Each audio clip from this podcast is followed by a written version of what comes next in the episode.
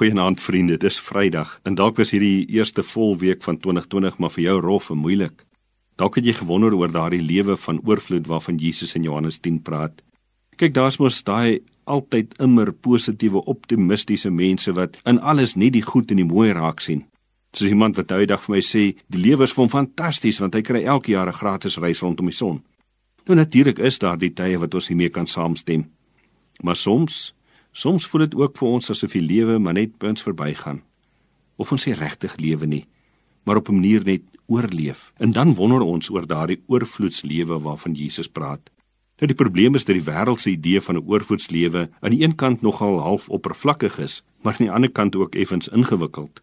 Hoe meer jy het, en hoe meer jy besit, en hoe beter jy lyk en hoe stewiger jou bankbalans is, dit bepaal of jy oorvloed het of nie. Maar die oorvloedslewe waarvan Jesus praat is baie meer as dit.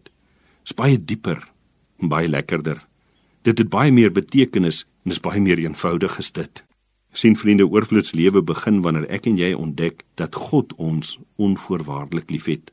Die ou kerkvader Augustinus het gesê dat God ons liefhet oor wie hy is en oor daar net een van jou is. God het jou uniek gemaak, jy is spesiaal vir hom, kosbaar en hy wil jou en my gebruik. Wanneer ek en jy dit ontdek, dan begin 'n oorvloedslewe, want dan gaan jou lewe nie meer oor jouself en jou eie agenda nie, maar oor jou plek in God se meesterplan. Wanneer jy 'n oorvloedslewe leef, dan begin jy om God se liefde vir jou ook in te gee en uit te deel aan ander. Jy kan dit mos nie vir jouself hou nie. Liefde is bedoel om weggegee te word. Daarom kan ek en jy wat 'n ware lewe van oorvloed leef, ook begin om meer saam met God te waag.